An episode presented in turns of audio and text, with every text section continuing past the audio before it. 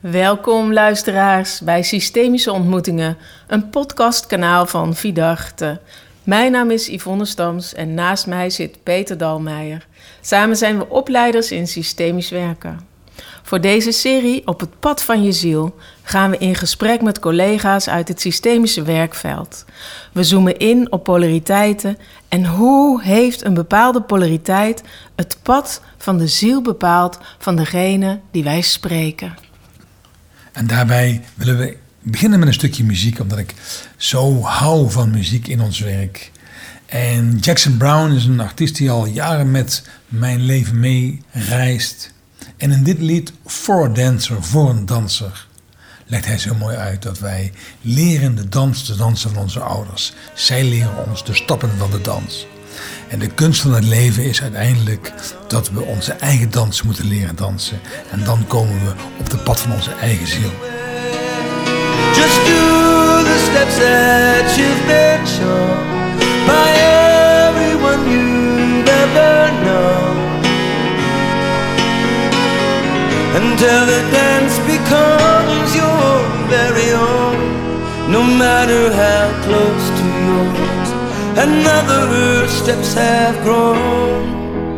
In the end, there is one dance you'll do alone. Luisteraars, welkom bij weer een nieuwe aflevering in het kader van systemische ontmoetingen.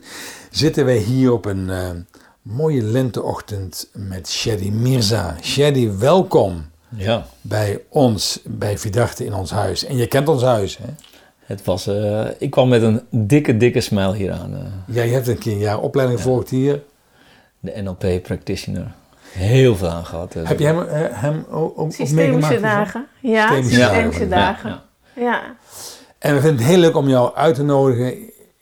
Ik vond je al meteen toen wij elkaar ontmoetten een bijzonder mens. Ik weet, ik weet nog dat jij ook een opmerking maakte over mijn blouse, mijn blouse.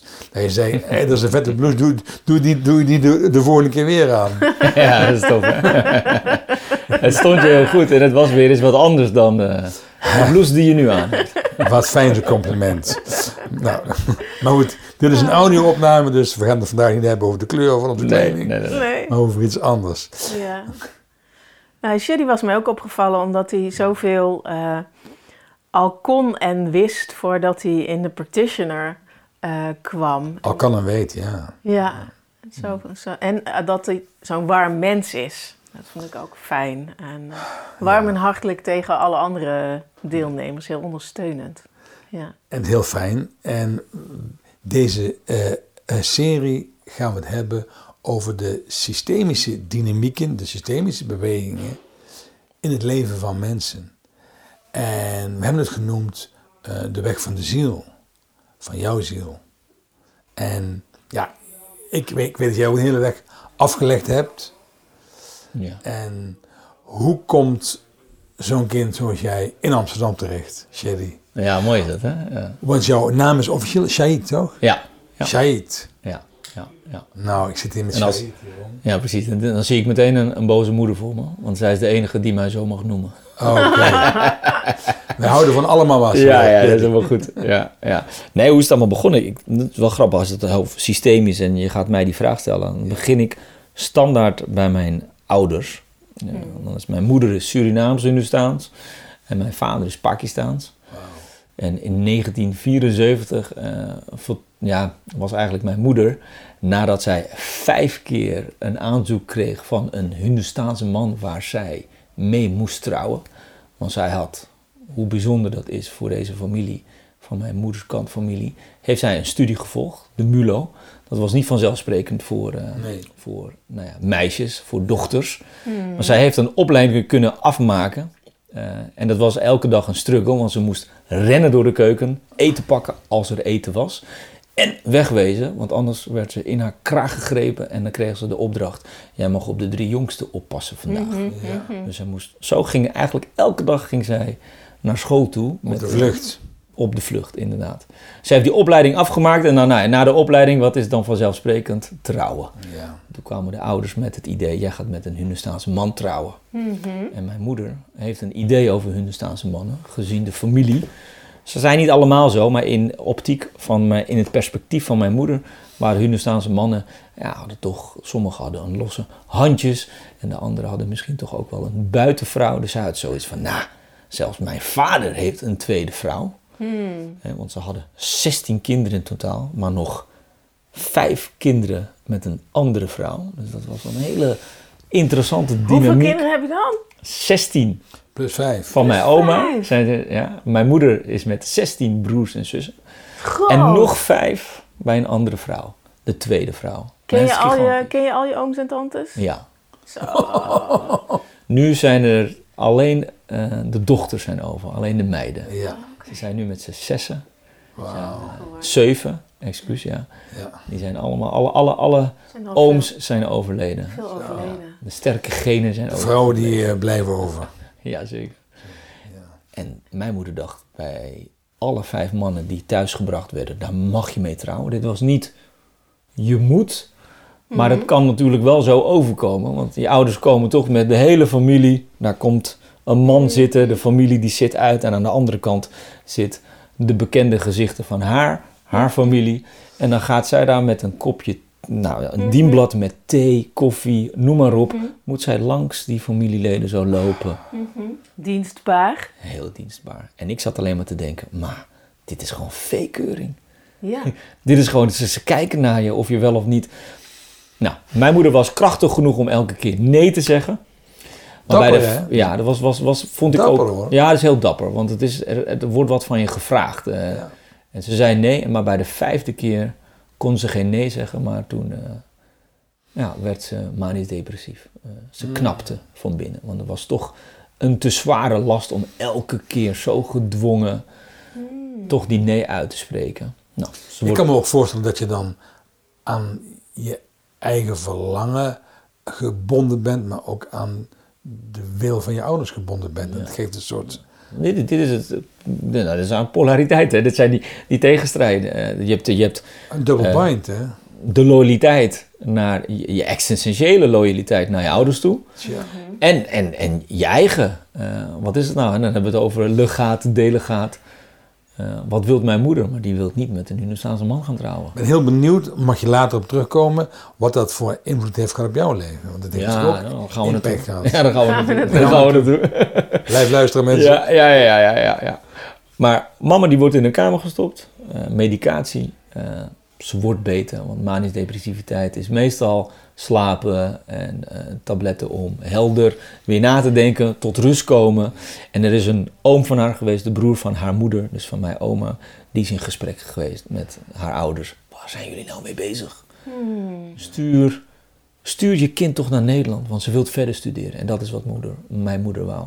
Eh, en uiteindelijk hebben de ouders, eh, mijn grootouders, eh, dus besloten: hier heb je geld, ga maar naar Nederland. Ja. En mama is in 1974, noorden, nog voor de onafhankelijkheid van Suriname, is ze naar Nederland gegaan. Suriname was een koninkrijk met Nederlanden, was allemaal makkelijk. was geen gedoe met paparazzi. Dat ging toen nog Eh, makkelijk. En zij is, eh, naar mijn mening, kan je voorstellen in haar situatie, misschien kan je het invullen, eh, dat tegen haar gezegd wordt: Kind, je mag naar Nederland. Hoe heeft ze dat ontvangen? Ja. Inpakken, wegwezen. Ik zie Vrijheid. mijn moeder bijna als een, eh, als een vluchteling weg. Want ze heeft haar vader tot de dag van vandaag, want hij leeft niet meer, niet geconfronteerd met ik wil niet. En ook haar moeder niet. Ik wil niet trouwen. Dit gaat niet gebeuren. Nee. Ze is altijd meegegaan in dat ritueel Ja. van dienstbaar opstellen, met die kopjes thee lopen, Iemand Tot tegen aan- haar eigen persoonlijkheid in. Tot aan de laatste stap toe. tot aan de psychische stoornis toe. Zo, Ze komt- zo loyaal. Ja, heel loyaal. Heel, heel, hele sterke existentiële loyaliteit.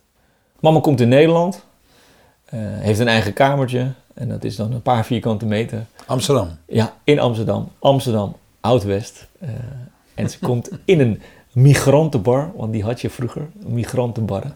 Ik heb nog wel eens gedacht, eh, nou ja, ga ik wel eens een keer een migrantenbar oprichten. Hoe leuk is dat? Ja. ja. Wie weet komt dat nog wel. Lekker barman worden. Ja, some- something like that. Maar ook, laat, laat mensen die verhalen Ja. daar uitwisselen. Ja. Maar ze komt in, in een migrantenbar en... eh, eh, eh, want daar ging ze eten. En ik zei nog tegen van, huh, maar kookt je dan thuis niet? Nee, dat, want ik had geen keuken. Het was alleen maar om te slapen. En douchen doe je ook in een badhuis. En, eh, en toen snapte ik, oh, daarom waren Ja. in Amsterdam al die blokken met een wasseretten, met dit en met dat. Ja. Want je sliep alleen maar in die kamers. Ja. En ik zei, oh, dat is wel vervelend. Dan had je niet je, je kook... eh. En toen zei ze tegen mij, dit is dus ook invullen.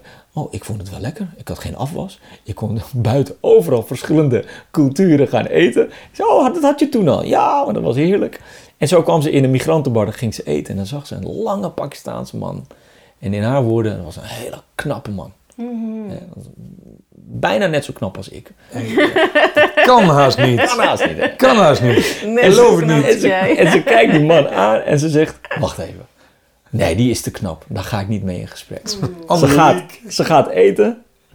En wanneer ze de deur uitgaat, wie staat er bij die deur die de deur openmaakt? Jongen. Deze lange, knappe Pakistaanse. Jongen. Nou, Hij nou, flikt het. Nee, hij flikt het. Hij Hij flikt flikt het. Hij flikt het. Nou, mama en papa worden een, een stel.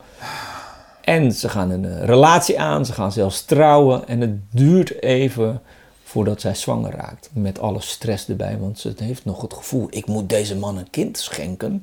Want anders gaat hij bij me weg.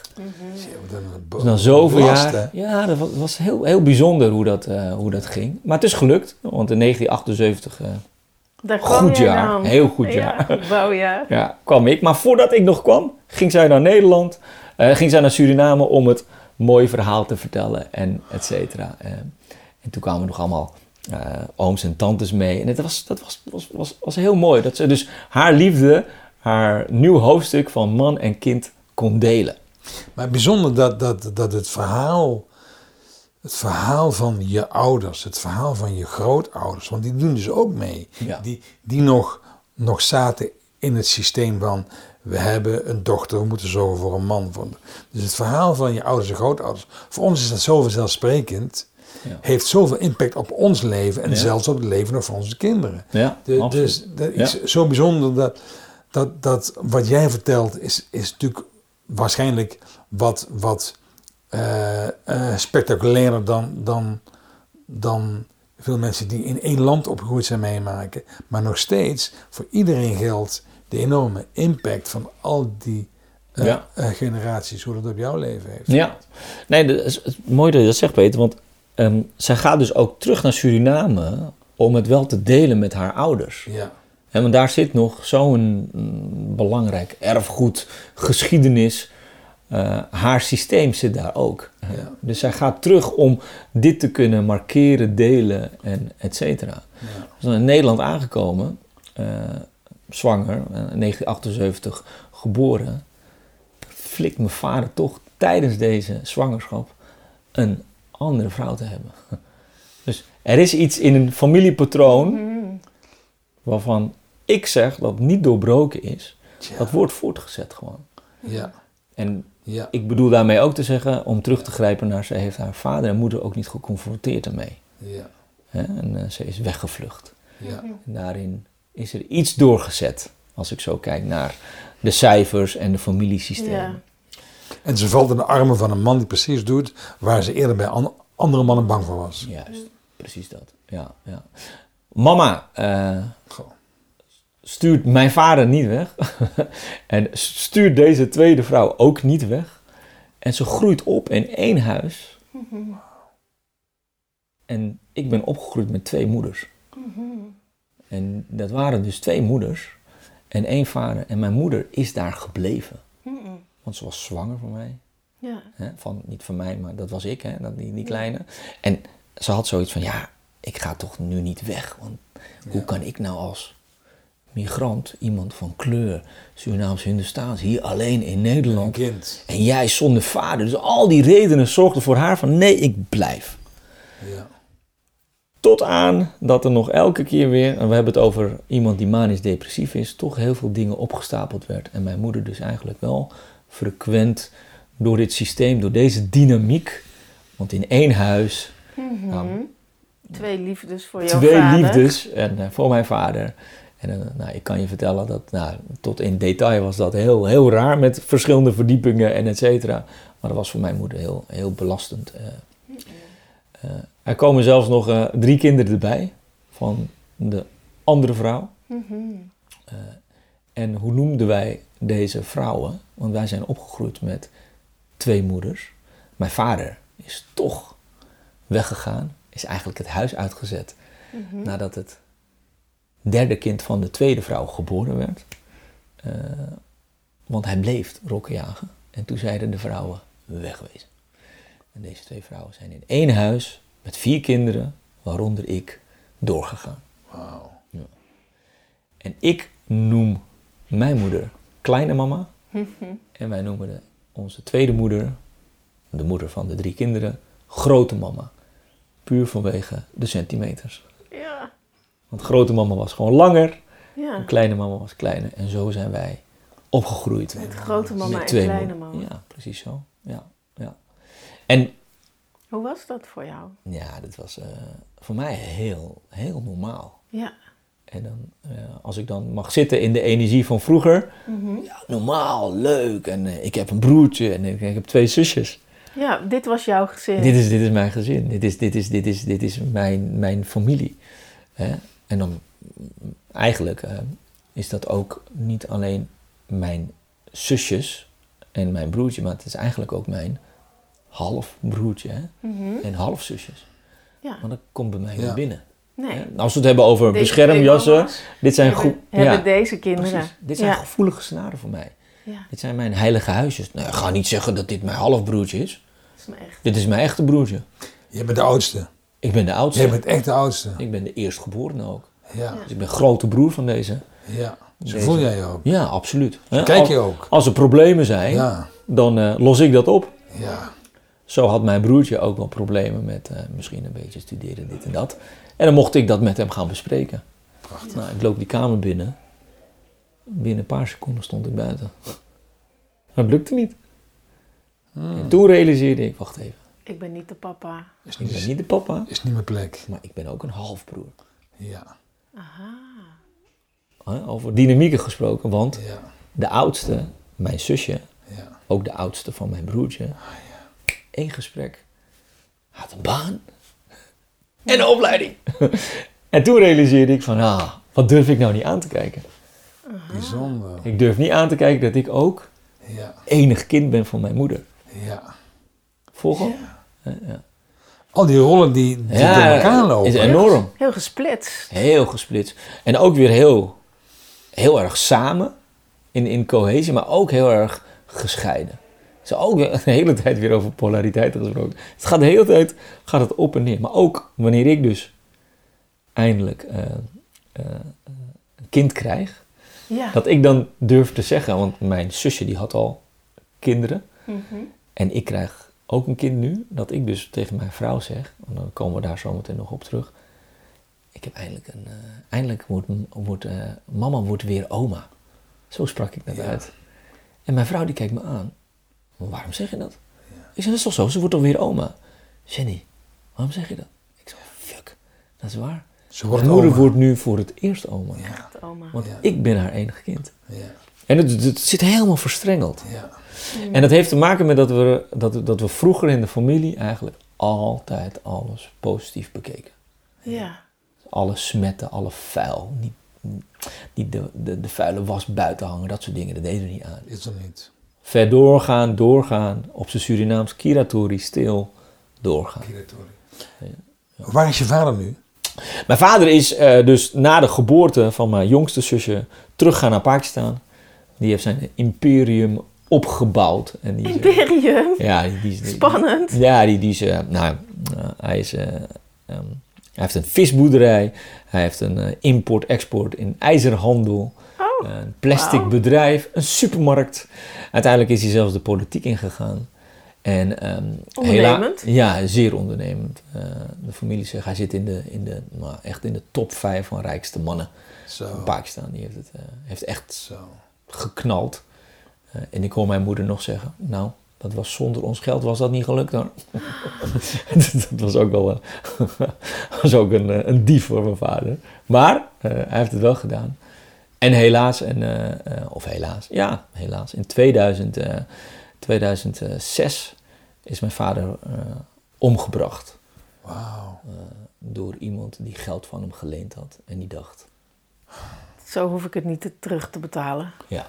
En mijn vader was, was, was, was 1,90 meter, was al een lange man. Eh, en je zag aan de, aan de beschrijving van de politierapporten, zoals ze beschreven, dat hij echt gevochten had. En, eh, Het waren zeker vier man geweest die hem... Ja. eh, Ik heb echt ik Ja. het er helemaal Ja. eng van als Ja. je het vertelt. Ja. Dus eh, kerstavond is een, eh, is een ander, andere manier van herdenken voor ons. Want dat is toen gebeurd. Zo hé. Over systemisch gesproken. Ja. Die avond Ja.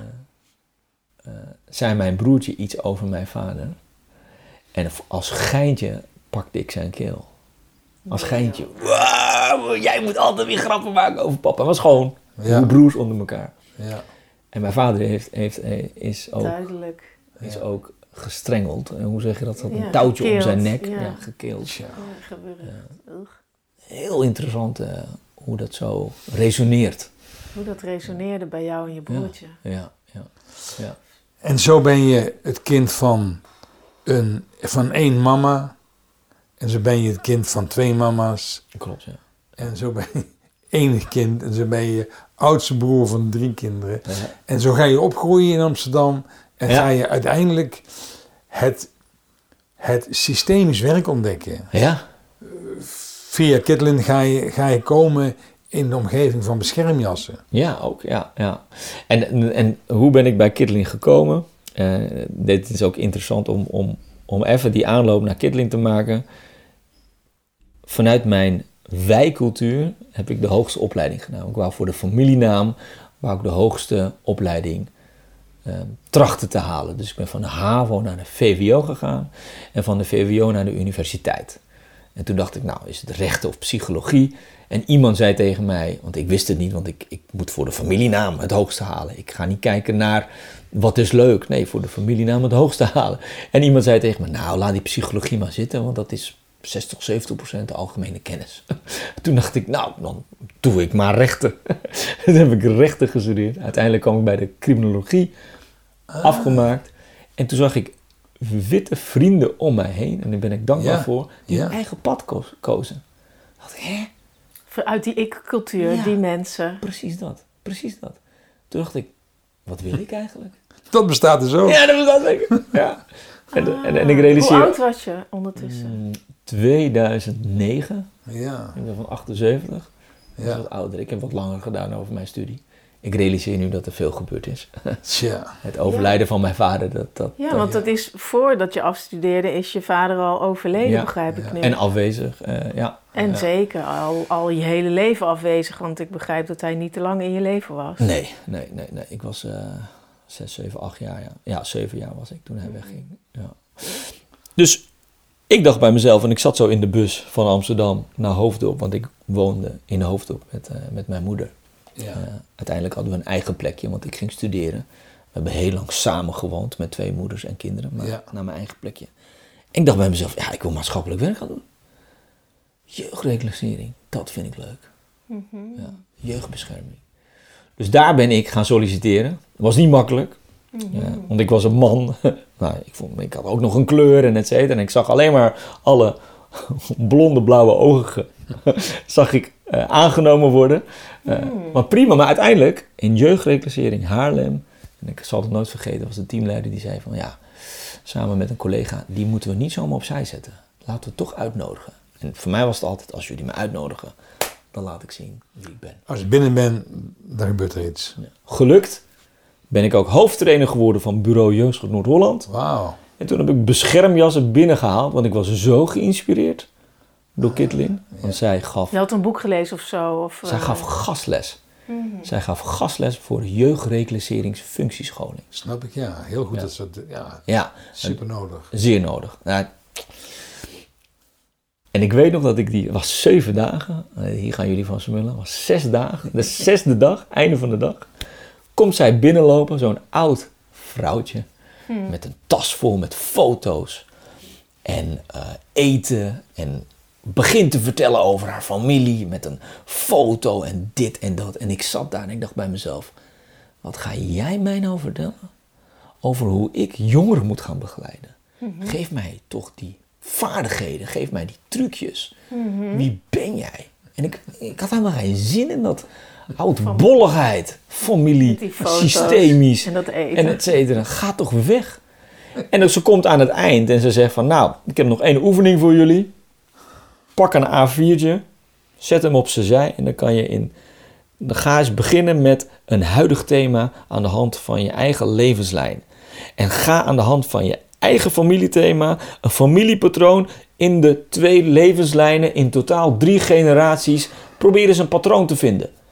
Nou, ik weet niet of jullie dit konden volgen, want het was een hele moeilijke vraag voor mij. En ik Ja. keek eraan. Hé, wat bedoel je nou? Ja, aan de hand van je huidige thema en drie generaties, of je een familiepatroon kan ontdekken. Ze ging een genogram maken. Levenslijnen naast elkaar. Ja, zoiets als een genogram. Ja, levenslijn. Ja. Ja, prima. Dan doe ik dat. Ik doe het in mijn eentje. Ik doe het ook- even. Ik doe het even, want ik hoef het ook niet met mijn buurt te doen. Ja. Ik schrijf zo, nou, wat was een huidig thema? Een huidig thema was, ik had een tienjarige relatie. En dat ging niet zo lekker. Dus ik zat een beetje telefoonnummers hier en daar te verzamelen. ik, zeg niet, ik zeg niet dat ik vreemd ging, maar het was niet kosher. Het was Nee. niet, You never know. you never know. Hè, Het was, de loyaliteit begon, begon te brokkelen. En opeens dacht ik, hè, waarom is dit? Waarom schrijf ik dit op? Nou, prima. Mijn vader pak ik erbij. Ik zet zo die levenslijn neer. En ik zie zo mijn leeftijd en ik zie de leeftijd van mijn vader. Wanneer hij dus die tweede vrouw in huis nam. Ik zo, kut, zelfde leeftijd. En toen begon ik te zweten. En ik Ja. heb Kitlin aan. Ik dacht van, fuck. Ja. En ik pak die lijn van mijn opa erbij. Zelfde leeftijd. En ik zie zo'n familiepatroon. Wake-up call. Ik heb haar nummer genoteerd. Ik heb haar nooit meer losgelaten. Ja. Want ik kwam thuis en ik heb dit blaadje heb ik aan mijn moeder laten zien. Mama, wat is dit? En ik realiseerde dat het niet alleen de lijnen waren van de mannen, maar dit waren ook de lijnen van de vrouwen. Ja. Elke keer werd die pijn overgedragen. Ja. Van mijn oma naar mijn moeder toe, Ja. naar misschien wel die vriendin die ik toen had. Ja. Diezelfde avond in de auto gestapt, heb ik het uitgemaakt.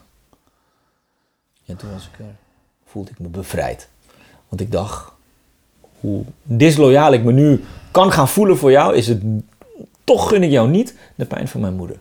Dan ga ik niet voortzetten. Mooi hè?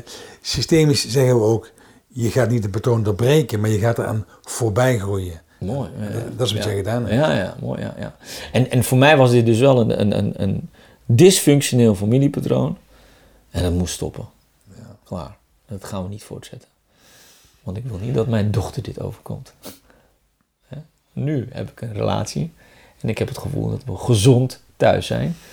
En zij ziet hoe het mag en kan zijn als vader en moeder. Verder is haar pad zoals zij het mag bewandelen. Maar ik heb wel iets, een basis die anders is dan als ik kijk naar de generaties voor mij. Happy family man. Juist. En als je zo onderweg bent met eh, eh, de lessen die je dan, systemische lessen die je leert van jouw eerste leermeester uh, Kitlin, hoe, haar achternaam kan ik nooit zo goed uitspreken. Chinaji. Ja. Chinaji. Mooi hè? Ja. Ik zie de letters voor me en dan Ja. denk ik, Ja. hoe spreek ik dat uit? Eh, en wat, wat heeft het je... Ja, wa- want je hebt zoveel thematiek ook aangedragen. Je vader is, is gegaan, is rijk geworden, is vermoord om geld. Eh, je moeder is gegaan uit een land, is eh, met een tweede vrouw terechtgekomen in een gezinssituatie. Wat- is het effect allemaal op jou? Ja. Hoe, hoe, hoe verhoudt zich dat tot, tot, tot de lessen die je leerde ook met, met, Ja. met haar? En voor mij zit eh, één, de les vooral in dat ik, eh, dat ik wel terugkijk. Dat is één les. Want als ik niet terug zou kijken naar onder andere de pijn, verdriet, mijn bagage, eh, cultureel, familie, geschiedenis, hoe je het ook mag noemen. Als ik niet terug zou kijken, dan zouden er bepaalde patronen onbewust voorgezet worden. Ja. Dus dat gebaar wat je strakjes maakte van, eh, met dat Surinaamse woord erbij. Je, je deed zo een ritsluiting bij je, bij je lippen zo. Kiratori, ja. En dat heet? Kiratori, oftewel Kiratori. je, je, je verhaal stil. Hè? Ja. Praat niet, eh, vertel het niet. Tori is verhaal, Kira is eh, dicht, dicht met het verhaal. Vertel het maar niet. Ik hoop dat ik het goed zeg, want ik weet wat het betekende. Maar stil, Inslikken. juist. gaan we niet over praten. Gaan we niet verder over praten. Dat is, ik, ik vertel wel. En dat doe jij juist wel. Ja, ja, ja, En dat heb je ook juist ja.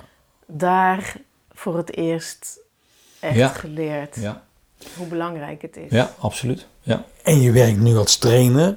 Ja, want uite- uiteindelijk ben ik dus Kitlin, dus sinds die functiescholing niet, heb ik niet meer losgelaten. Ik ben bij Bureau Jeugdzorg ben ik die hoofdtrainer geworden. Ik heb ook eh, de, de driedaagse beschermjassen binnen gehaald. Ik heb beschermjassen binnengehaald bij jeugdzorg. En toen ben ik ook de trainer-trainer gaan doen. En tijdens de trainer-trainer kwam ik tot de ontdekking... Vrek, ik wil voor mezelf beginnen. Ja. Dus ik heb heel veel gekregen. Daar ben ik heel dankbaar voor bij jeugdzorg. Maar uiteindelijk ben ik in 2005, 2004, eh, na vijf jaar jeugdzorg, ben ik voor mezelf begonnen. ja. En dat was echt, eh, dat was fantastisch. Hmm. Dan begon ik mijn eigen bedrijf, eh, ging ik zelf trainingen geven.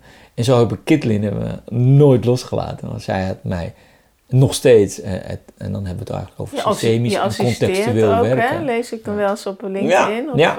eh, Ik, ik heb één co-trainer. Ik weet Ja, ja, precies. ja, ook. Maar met name, en, eh, zij, zij heeft gewoon heel bureau, ze krijgt heel veel opdrachten Mhm. en, en die worden uitgezet. en, en ik ben heel dankbaar dat ik eh, trainingen voor haar mag bewerkstelligen Ja. door het hele land. Ja. Nou, zo ben ik nu ook contextuele studie aan het volgen. Dat is een basisopleiding van, eh, van twee jaar eh, bij Leren Overleven, is een opleidingsinstituut. Mooi. Van, vanuit contextuele therapie van Notch. Juist. Die. Ah. Die, eh, Ah, Mirjam dat- Bakker en... eh, Gaaf. Heel tof, heel tof. Dus ik krijg dan nog meer eh Ja, ja. munitie. Maar Eh, heel, he- ni- niet iedereen weet dat, maar een heel groot deel van Bert Hellingers werk is gestoeld op het werk van Notch. Ja, ja, ja. Ja. en ik, ik vond, ja, nooit, geweldig. Vooral die dimensie 4 is, eh, is geweldig over loyaliteit. het bewegen, het balanceren. ehm, Boeiend. Het, zeer, zeer boeiend, zeer boeiend. Dus, dus daarin eh, ben ik mezelf nu aan het eh, neerzetten als, als, als trainer op gebied van diversiteit en in, inclusie. Want waarom nou diversiteit en inclusie? Want daar, daar, daar zit het systemisch werken zo gekoppeld daaraan. Ik ben van mening dat wij hier met z'n drieën hebben allemaal onze eigen mix van eigenschappen, van bagagecomponenten, van geschiedenis, et cetera. We hebben allemaal, een van ons hebben allemaal onze eigen mooie systemische mix. En als je die kan onderzoeken, dan opeens ga ik ook naar ieder van, nou nu heb ik twee prachtige mensen voor me, maar ook van, nou ik ga dat niet invullen, wat is jullie mix? Omdat ik mijn eigen mix zo goed aan het onderzoeken ben, dus ik doe mijn best daarin en er is nog genoeg te ontdekken, ga ik ook niet zomaar invullen dat, dat ik denk dat jouw mix of jouw mix zo zo in elkaar zit. Dus ik word wat inclusiever op het stuk van, hé, hey, ik ga even eerst luisteren. Oh, dat, is, dat komt misschien daar vandaan. Ik kijk niet naar één persoon, ik kijk naar een hele mix van systemen of dynamieken die jullie zelf ook in jullie hebben. Nou, dat is waar ik voor sta betreffende Ik bescherming. ik vind dat dat ook wel een. eh, eh, hoe noem je dat? Voor mij is dat ook wel de, de basis van systemisch werken. Het insluiten. Dus ik merk Ja. naarmate ik langer eh, met systemisch werken aan, aan de gang ben, dat ik veel minder een idee heb over wat eigenlijk beter is, of hoe het misschien dan zou horen, of het oordeel wat ik erover zou moeten hebben. Ja. De- Peter doet wel eens dan uitspraken en, tegen mij en dan denk ik, ja, dat weet ik eigenlijk niet. Ik weet niet wat ik daarvan vind. Hou ik me niet mee bezig. Of, Ja. kan dat, ik, vroeger had ik veel meer een idee dat alsof dat, dat ik dat moest kunnen. Ja. Weet je wel? Ja. Oordelen, onderscheiden, er iets van vinden en dan met mijn eigen mening eh, voorop de wereld in, zal ik Mm. Ja, maar ja, zeggen. ja, ja, ja. En ik merk, ik, heb, ben dus, ik had wel dan ook wel heel strong, strong-willed, denk ik, als kind. Ehm, en Goed als, gekleide mening. als, Ja, als ja. puber en jong mens en zo. Dus ik ben natuurlijk ook ouder en word je ook milder. Maar ik merk wel dat, dat, dat, dat ik mezelf daar soms ook over verbaas. Dat ik dan denk, ja, weet mooi eh, heb ik niet. Wat ik vooral heel mooi vind, eh, wa- wat je vertelt, Sherry. ehm, oh, die, die, die inclusiviteit. Ehm, ik vind het fijn dat je dat doet in, in, in deze aflevering. Ik denk dat heel veel luisteraars ook eh, die ons opzoeken nog aan, aan het leren zijn om systemisch te kunnen gaan werken. En mensen zien vaak ook een opstelling als we, we moeten alles insluiten. En jij zegt, nee, het geldt niet van een opstelling, maar het geldt omsonst im Leben, om maar even in Duits uit te drukken. Het, het is een levenshouding en dat vind ik zo fijn. Ja. Ik, ik doe veel organisatieopstellingen. Ik werk veel binnen organisaties met, met, met teams en leiders. En het verhaal van de collega, het verhaal van de leider, het verhaal van de medewerker wordt, wordt zo vaak niet meegenomen. En daar zit juist de brandstof en daar zit ook de pijn als het fout gaat. Ik vind het zo mooi dat, dat jij dit nog een keer benadrukt, Ja. omdat mensen elkaar aanspreken op vaardigheden, op skills. En de plek die je inneemt, is de plek die jij inneemt. En is met alles wat, wat jij meeneemt. En, en Ja. dus zo mooi hoe, hoe jij dat ook ziet. Mhm.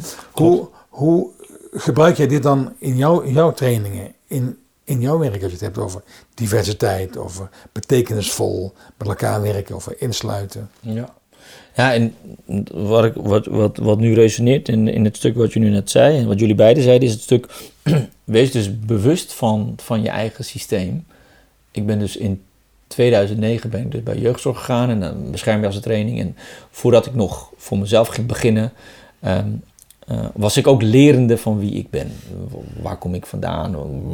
Wat zijn mijn eh, gevoelige snaren? Ehm, ehm, eh, overdracht tegen overdracht. Ja. Dus zo heb ik eh, jongens begeleid die, nou, die hebben wat gestolen, die hebben ingebroken. En nou, dan komen wat doelstellingen eruit. Nou, leren omgaan met, met andere risicovolle eh, contacten. Oftewel nee zeggen tegen jongens die dan jou willen meenemen. Met als ook een doelstelling, nou ga zo'n gezonde baan vinden en dan op een gezonde manier geld verdienen. Dan help ik je met motivatiebrieven, et cetera. En toen kwam er ook een stukje bij van, oh, mijn ouders zijn gescheiden. Oh, vertel. Oh, mijn vader woont eh, in Almere. Eh, ik woon in Haarlem. Dat was locatie Haarlem. Ja. Oh, nou, dan zou je dan eh, misschien vanuit gezinshereniging, misschien dat je vader wil wat voor, voor je kan betekenen. Nou, helemaal goed, want ik heb zijn nummer wel. Dan wil ik hem wel een keertje bellen. Is goed. Nou, dan hebben we zo drie doelstellingen. Dan zijn we aan het einde van het traject. Heeft hij, kan hij nee zeggen tegen die jongens? Ja, kan hij heel goed. Maar hij zit ook niet meer op het pleintje. Dan dubbelcheck ik met de wijkagent. Top. Heb je al een bijbaan? Die, ik heb geen bijbaan. Oh, vertel. Ik ben nu, ik heb geen bijbaan. Ik heb gewoon een baan. Ik zeg, vertel. Ik ben assistent manager Ah, leuk. bij de Decathlon Ja, in Amsterdam Arena. Ik zeg, fantastisch. ja, tof. En ik word manager, want als ik 18 ben, dan ga ik dat worden. Ik zeg, Ja. fantastisch, super. Nou, heb je contact met je vader gehad? Nee, nee, nee, dat is nog niet gelukt. Ik zeg, oh, oh, oké, nou. Weet je, je hebt twee van de drie doelen gehaald. Je hebt zo best je best gedaan. We gaan hem positief afsluiten. Documentatie, Raad voor Kinderbescherming. Prachtig. Maar nu is het eigenlijk de vraag. Wiens zoektocht was het nou naar vader? Dit was mijn zoektocht. In welke ogen kijk je dan? Juist, ja. Er is een vader die nog leeft, iets verderop. Ja, En meteen stuur ik deze jongen, ga maar contact zoeken. ja. En ik heb een autoriteit, hè? ik heb een le- leiderschapsfunctie hier. Ja. En hij luistert naar me en ik ben ook nog een eh, toffe reclasseerder en we hebben goede contacten, et cetera. En natuurlijk zegt hij, ja hoor, ga ik doen. Ja. Maar hij heeft nog geen één keer gebeld. Omdat ik niet geluisterd heb naar hem. Niet open vragen heb gesteld. Wat verwacht je? Wat wil je? Misschien heeft hij al ergens anders een vaderfiguur. Misschien heeft hij al helemaal geen vaderfiguur nodig. Misschien heeft hij wel drie moeders. Ja. I don't care, maar ik heb het niet gecheckt. En nog belangrijker, waarom heb ik dat niet gecheckt? Omdat ik dat bij mezelf niet gecheckt heb. En daar kwam je pas later achter toen jij eh, meer systemisch eh, kon eh Omdat ik een, een voedingsbodem heb van dat ik mijn vader verschrikkelijk mis. Ja. Ja, dat ik alleen maar positief zit te praten. Kiratori, niet erover hebben. Vermoord, niet erover hebben. En elke keer die emotie maar wegdrukken. Wat is het effect van jou nu, nu je weer terugkomt op de, op de moord? Wat merk jij daarvan in, in hoe jij je gedraagt of voelt? Ik, ik, ik mag eindelijk huilen erom. Dat is iets wat ik, ik mag het toelaten. Eh, ik merk zelfs dat, eh, dat ik een coping gecreëerd heb eh, dat wanneer we het over mijn vader gaan hebben, of over dat stuk, dat ik elke keer maar weer wegdrukken en er niet over hebben is niet belangrijk. Want hij was toch iemand die twee vrouwen en die heeft zoveel leed gedaan en, en gemaakt bij mijn moeder. Daar moeten we niet over hebben. Dat is vies, dat is niet leuk, dat is. Hè? En ik merk dat ik dit, dat stukje van emotie, het toelaten, ook zit weg te redeneren bij ehm, situaties nu in het leven. Ik ben daar nu bewuster van, maar opeens merk ik van fuck. Dus jij bent heel goed in, in de dingen positief maken. Je bent ook een heel positief mens. Ja, Dat ja, maakt je ook heel leuk. ja. En je geeft eigenlijk aan van... Ergens moet ik ook mijn best doen om het, de emotie die, die, die naar is, die ergens bij hoort, om die eh, te, bekijken, om daar stil bij te staan Ja. en om die dan vervolgens Ja. echt vast te pakken. Ja, dus, dus om een voorbeeld te geven, en ik, ik, ik zal even niet de details erin, maar ehm, eh, er is een eh, eh, vriendinnetje van mijn dochter, ernstig ziek, verschrikkelijke ziekte, ik ga het niet benoemen, eh, maar Jouw dochter is hoe oud? zeven jaar. Dus dan Ja. hebben we het over iemand die zes Oh, is. ook zes. ja. En wat wil ik daarmee zeggen is, ik laat die emotie niet toe. Ik zit het weer weg te drukken. Nee, dit kan niet. Ik geloof het niet. Oké, er is een plan. Wanneer komt de plan? En ik zit weer in mijn coping. En ik moet realiseren. En je moet geluk. het fixen, het moet goed komen. Ja, ik zit alleen maar positief. Want ik wil het niet. Ik wil bijna niet. En dan opeens merk ik, fuck. Dit deed ik toen met mijn vader ook. Ja. En dan tijdens die opleiding van twee jaar kom je opeens achter. Oké, ik ga naar huis en ik ga een keer. Dan word ik nu ook weer emotioneel. Ga ik een keer aan mijn vrouw vragen, Rad, alsjeblieft, als we zo meteen thuis komen, hou me vast. That's it. Hou me vast. En dan ze houdt me vast en ik zit. De tranen rollen en ze wil me loslaten en ik durf nog gelukkig te zeggen, nog eventjes. Hou me nog eventjes vast. En dan opeens voel ik, dit laat ik niet toe. En opeens kan ik die pijn en verdriet van dat vriendinnetje ook binnenlaten, want het is verschrikkelijk. en dan ga ik niet meer kopen. En dan ben ik weer. En Ah, wat, ik, wat ik dan wel interessant vind om te weten van, vanuit jouw perspectief, wat, wat brengt het jou als je de emotie dan toelaat? Wat brengt het jou? eh, een stukje menselijkheid. Als in de zin van: ik, mag, ik mag huilen, ik mag eh, op deze manier kwetsbaar zijn. En dat hele positieve kost ook de hele tijd fucking veel energie. Ja, Je moet op de, hele tijd, steeds. ja, de hele tijd zit je in je hoofd. Alsof en dan je ga je bal- lichaam zit je maar weg te drukken. Bal onder water moeten blijven Ja, de duwen. hele tijd. Ja, Super vermoeiend. ja, Super vermoeiend. ja. En in je hoofd, je hoofd maakt Je hoofd de ratelt.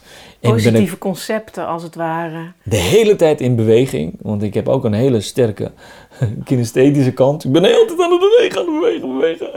Maar Ja, dat vind ja, ik ja, fijn. langs die emoties. Langs die emoties. Omheen. Terwijl ik zo goed dat Kan voelen met, kan voelen. Ja. En nu ik dat toelaat, nou, dat is... eh, ja. Maar als je dat zegt, dan zie ik ook weer dat die oudste zoon in dat gezin, zonder vader, die, die oplossingen zoekt. Mhm. Ja, maar dat is wat ik jou steeds wil zeggen. Ja, ja, ja. En wat ook interessant is, en dat hoeft niet, hè. Peter, waar komt dit thema vandaan?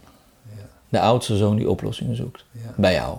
Ja? Ja, dat is heel mooi dat je zegt. Maar, maar, Leuk, hè? maar dat was waar ik heen wilde. Ja, van ja. Die oudste zoon die oplossingen zoekt. Dat is, dat is meteen hoe het bij mij resoneert. Want, want ik ben ook een oudste zoon die, die, die, die het, het, allemaal ging fixen. Dus ehm, Ja. in, in mijn eerste opleiding bij eh, Louise Hay, die ik ooit heel lang geleden deed, dan zegt ze, ze, ze deed de oefening met ons, die heette dan And I see that in myself. Dus ik zie in jou dat, and I see this in myself. Oh, mooi. Dus, en, en het is zo mooi dat je, je kunt alleen maar bij een ander iets zien bij, omdat het in, in jou resoneert. Dus, dus ik zie dan jou staan als, als jongetje in de buurt van de Overtoom, Amsterdam, waar we daar net over hadden. Ik ken die regio ook. Ja. En, en dan denk ik, ja, ik ben ook zo'n zo'n jongetje die dan, die dan oplossingen gaat bedenken. En misschien is dat wel de reden dat ik jou zo leuk vind. Nee, maar, nee, maar dit, dit, dit is zo mooi aan het systemisch werken. Dan ga je dus Ja. connecties vinden. Ja. Waar zit de, de chemie en de klik. Dat is mooi. En dan herken- zitten we alleen maar nog meer te Ik onderstrepen. herken Ja, ze meteen, jongen, die gasten. Ja, ja. En dit ga je dus alleen maar kunnen delen als je toch terugkijkt. ja. En dat jij die stap maakt van hé, hey, Ja, en ik, ik, ik luister en we zitten, opeens zitten we weer samen terug te kijken naar onze eigen levensverhalen. Ja. Hop. En zo Klik. mooi dat het, Ja. het automatisch gedrag, ja, zoals jij schreef, omschreven als coping, dat het automatisch aangaat. Mm. Terwijl de time-out je helpt om oh, even terugschakelen naar een ander level. Ja, En, en dat is ja een dat. mooie leerweg. En dat willen wij ook, jij en wij, de mensen leren die eh, bij ons opleidingen volgen. Ja, ja, absoluut, absoluut. Nou ja, er zijn heel veel dingen die, een, eh, die ik van jullie een, heerlijk gesnoept heb eh, vanuit de NLP practitioner. Hè? Over dat stuk van dat, nou, dat kinesthetische, dat, nou, dat was prachtig. Ja. Om zo zintuigelijk eh, te kijken wat mijn voorkeurstijlen zijn, et cetera. En dat, dat, en er is nog een stuk, dat, dat stuk wat we dus ook, wat ik naar iedereen gun systemisch. Een heel simpel voorbeeld. Ik ga dan trouwen met mijn vrouw, Ratna.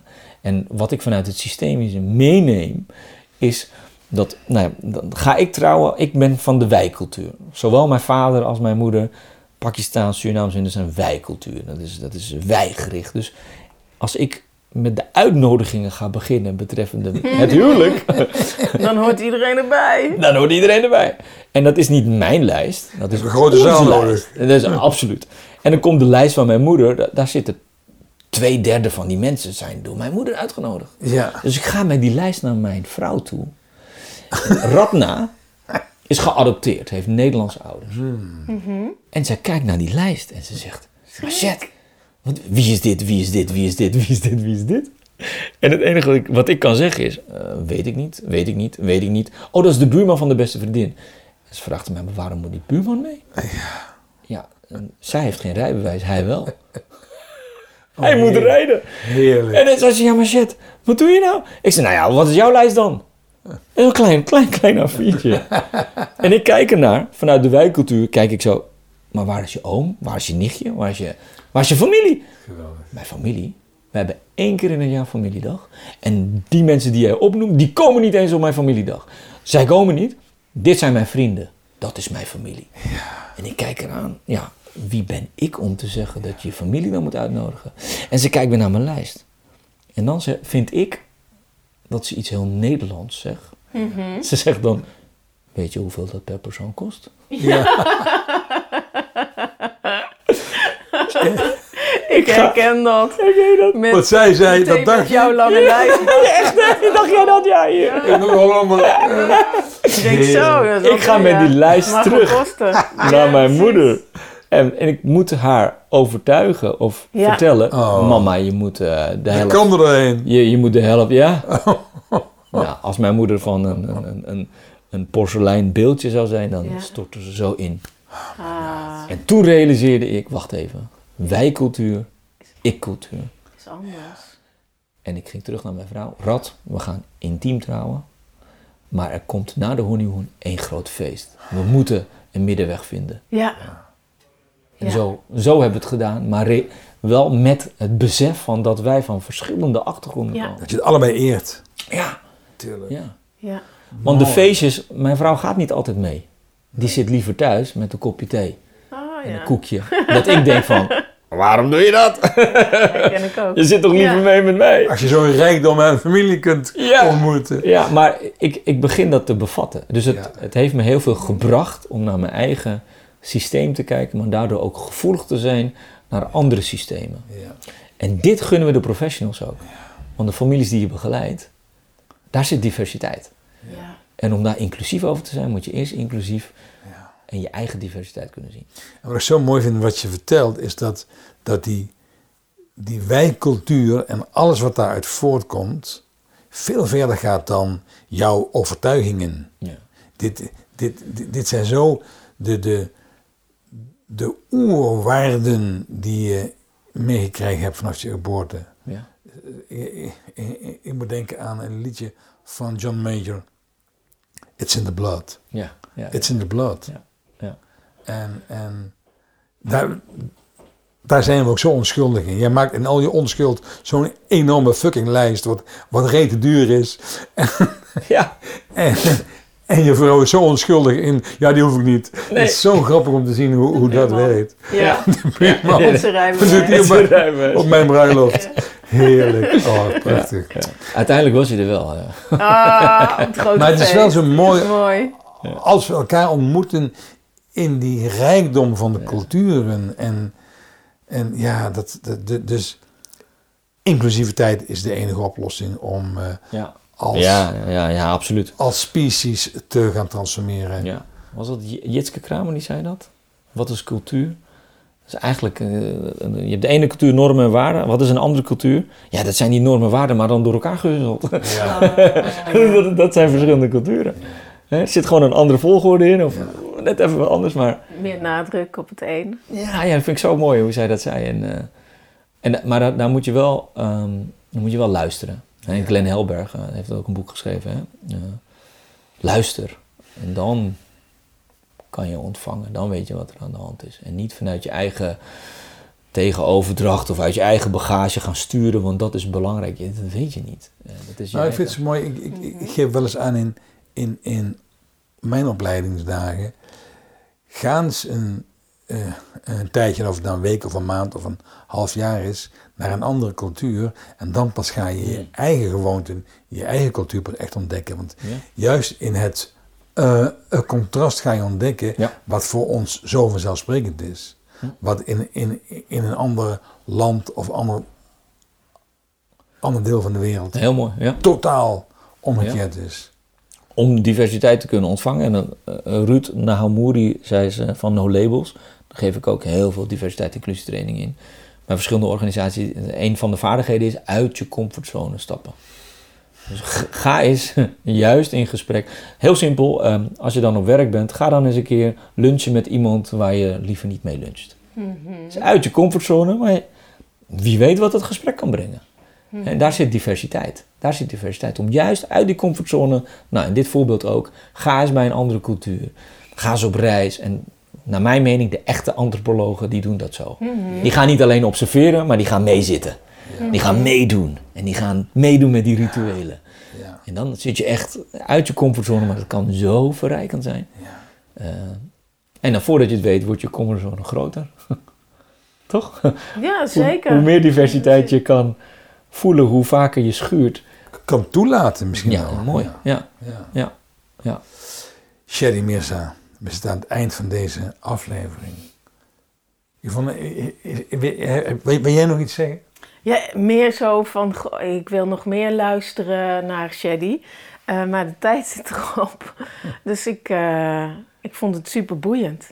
Ja, ik heb graag naar hem geluisterd. Ik heb graag naar je geluisterd, Shady. Ja, ik heb het he- heel fijn verteld. Voelde, nou ja, zoals ik al zei, met een big smile kwam ik hier naartoe. Voel toch een beetje thuis. Dankjewel voor de uitnodiging en eh, Ja, ik vond het heerlijk om mij te luisteren. ja, ja, heerlijk om zo uit te wisselen met elkaar. Heel fijn om je weer te zien na, na een tijd. Dank. En eh, Yv- Yvonne, wat je misschien niet gezien hebt, maar het is de eerste gast die, Oh, met twee die verschillende twee schoenen. verschillende schoenen draagt. Dus, Een blauwe en een eh, witte. Ja. dus we hebben hier een gast is origineel, met, inderdaad. ja, met twee sneakers. Eén links en één rechts, dat doen de meeste mensen. Wel hetzelfde merk. Maar dan wel hetzelfde merk, maar een andere kleur. Dus een blauwe en een witte schoen. En waarschijnlijk staat zo'nzelfde blauwe en witte aan de andere voet nog thuis op je te wachten. Jazeker, jazeker. Over een diversiteit gesproken. en Daarom, daarom. kies je eigen pad. Kies je eigen pad Ja. en kies je eigen schoenen. Luisteraars, dankjewel dat je hebt geluisterd naar deze aflevering. En neem het van harte. Ehm, maak eens contact met een andere cultuur. En ga eens je eigen lijn vanuit het verleden nog eens een keer ehm, uitwerken, uitkouwen. En je zult merken dat je er als mens op vooruit gaat. Heb het goed en tot de volgende aflevering. Ontmoeting bij Steems Ontmoetingen. En de groetjes van ons. Bye bye.